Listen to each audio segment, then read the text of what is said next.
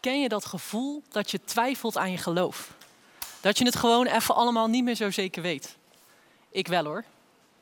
Geloofstwijfel is een irritant gevoel dat op irritante momenten omhoog komt en dat zich wel weg laat drukken, maar wat altijd weer terugkomt. En juist op zo'n moment dat je dan s'avonds in je bed ligt en niet kan slapen. De kans is trouwens best wel groot dat ook jij wel eens twijfelt aan je geloof. Poosje geleden hebben we bij Beam een onderzoek gedaan en daaruit bleek dat 80% van de christelijke jongeren wel eens geloofstwijfels heeft. Dus jij misschien ook wel. Geloofstwijfel. Ik zeg dat nu al een paar keer, wat bedoel ik daar nou precies mee? Geloofstwijfel is heel breed, want het is natuurlijk ook heel persoonlijk. Maar er is natuurlijk de oeroude vraag die de mens zich al duizenden jaren vraagt. En dat is, bestaat er een God? Is er wel iets om in te geloven? Als je jezelf dat afvraagt, dan twijfel je eigenlijk aan het geloof zelf. Maar uit het onderzoek blijkt dat veel jongeren aan hun eigen geloof twijfelen. Misschien stel jij jezelf ook wel vragen als: bid ik wel genoeg? Lees ik genoeg in de Bijbel? Uh, ben ik wel echt vervuld met de Heilige Geest? Ga ik wel naar de Bijbel? Uh, ik bedoel, ga ik wel naar de hemel? Kortom, ben ik wel een goede christen? En ik zei het al, dat gevoel is ook voor mij niet onbekend. Ik werk als redacteur bij Beam, dus dat betekent dat ik hier ook elke zondag aanwezig ben bij de Beam Kerkdienst in Hilversum, meestal uh, achter de schermen.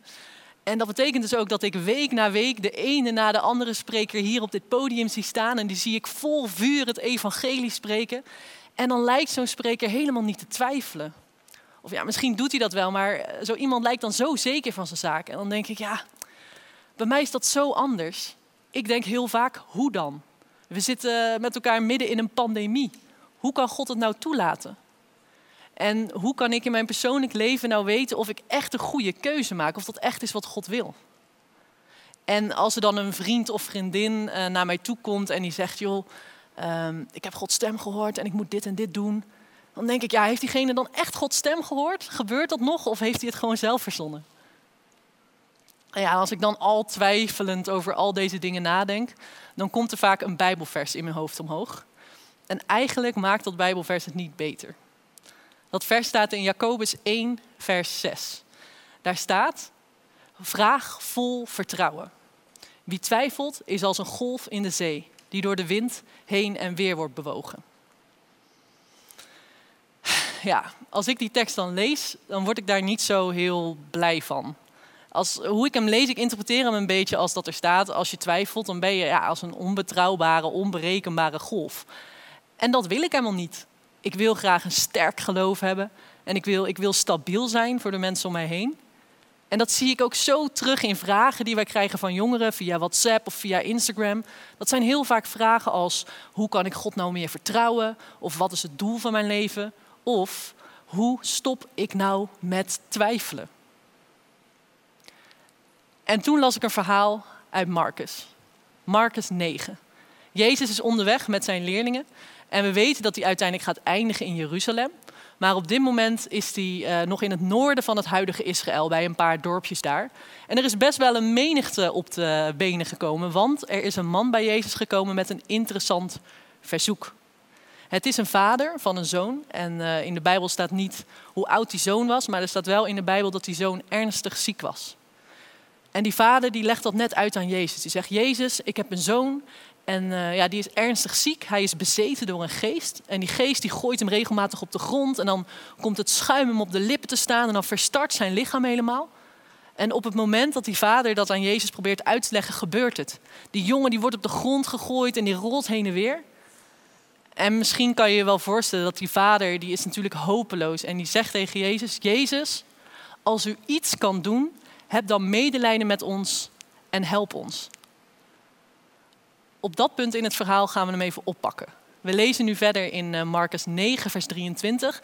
En dan beginnen we dus bij de reactie die Jezus geeft op die vraag van die vader. Er staat, toen zei Jezus tegen hem, of ik iets kan doen, alles is mogelijk voor wie gelooft.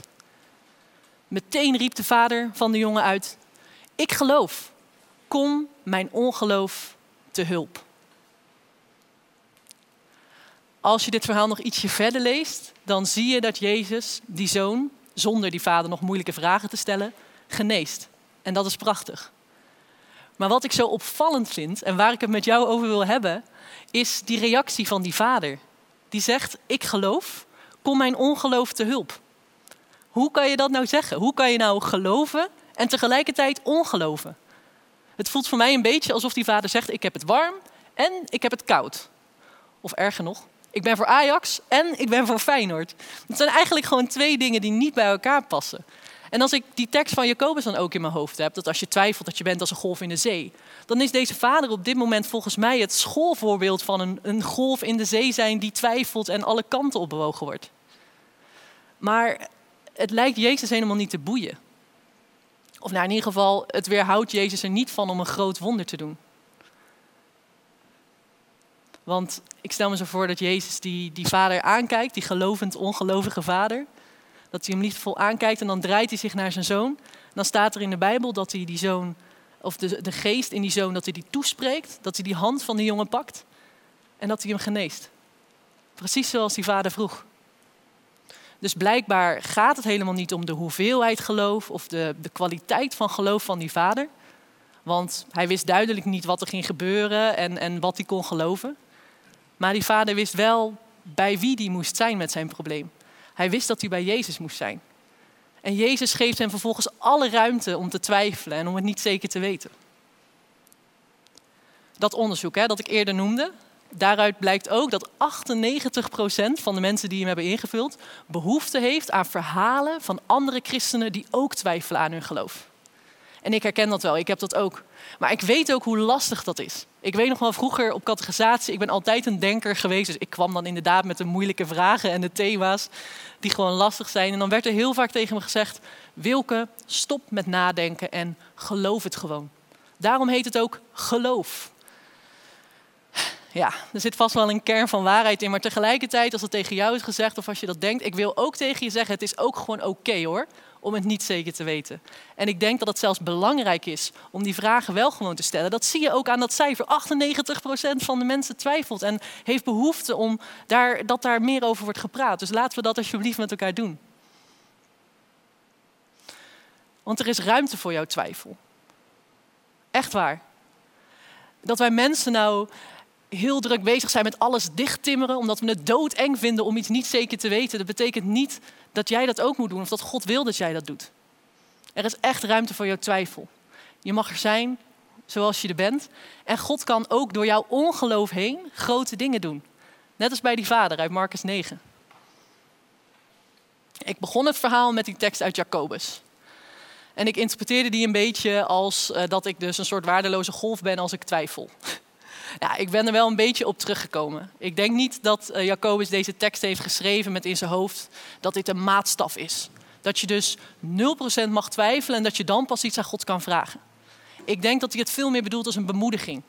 Dat hij ons wil bemoedigen en dat hij schrijft: vraag vol vertrouwen. En als je twijfelt, doe het, doe gewoon, zeg het gewoon, heb het er gewoon over. En als ik die tekst op die manier interpreteer, dan, dan stelt dat me wel weer een beetje gerust.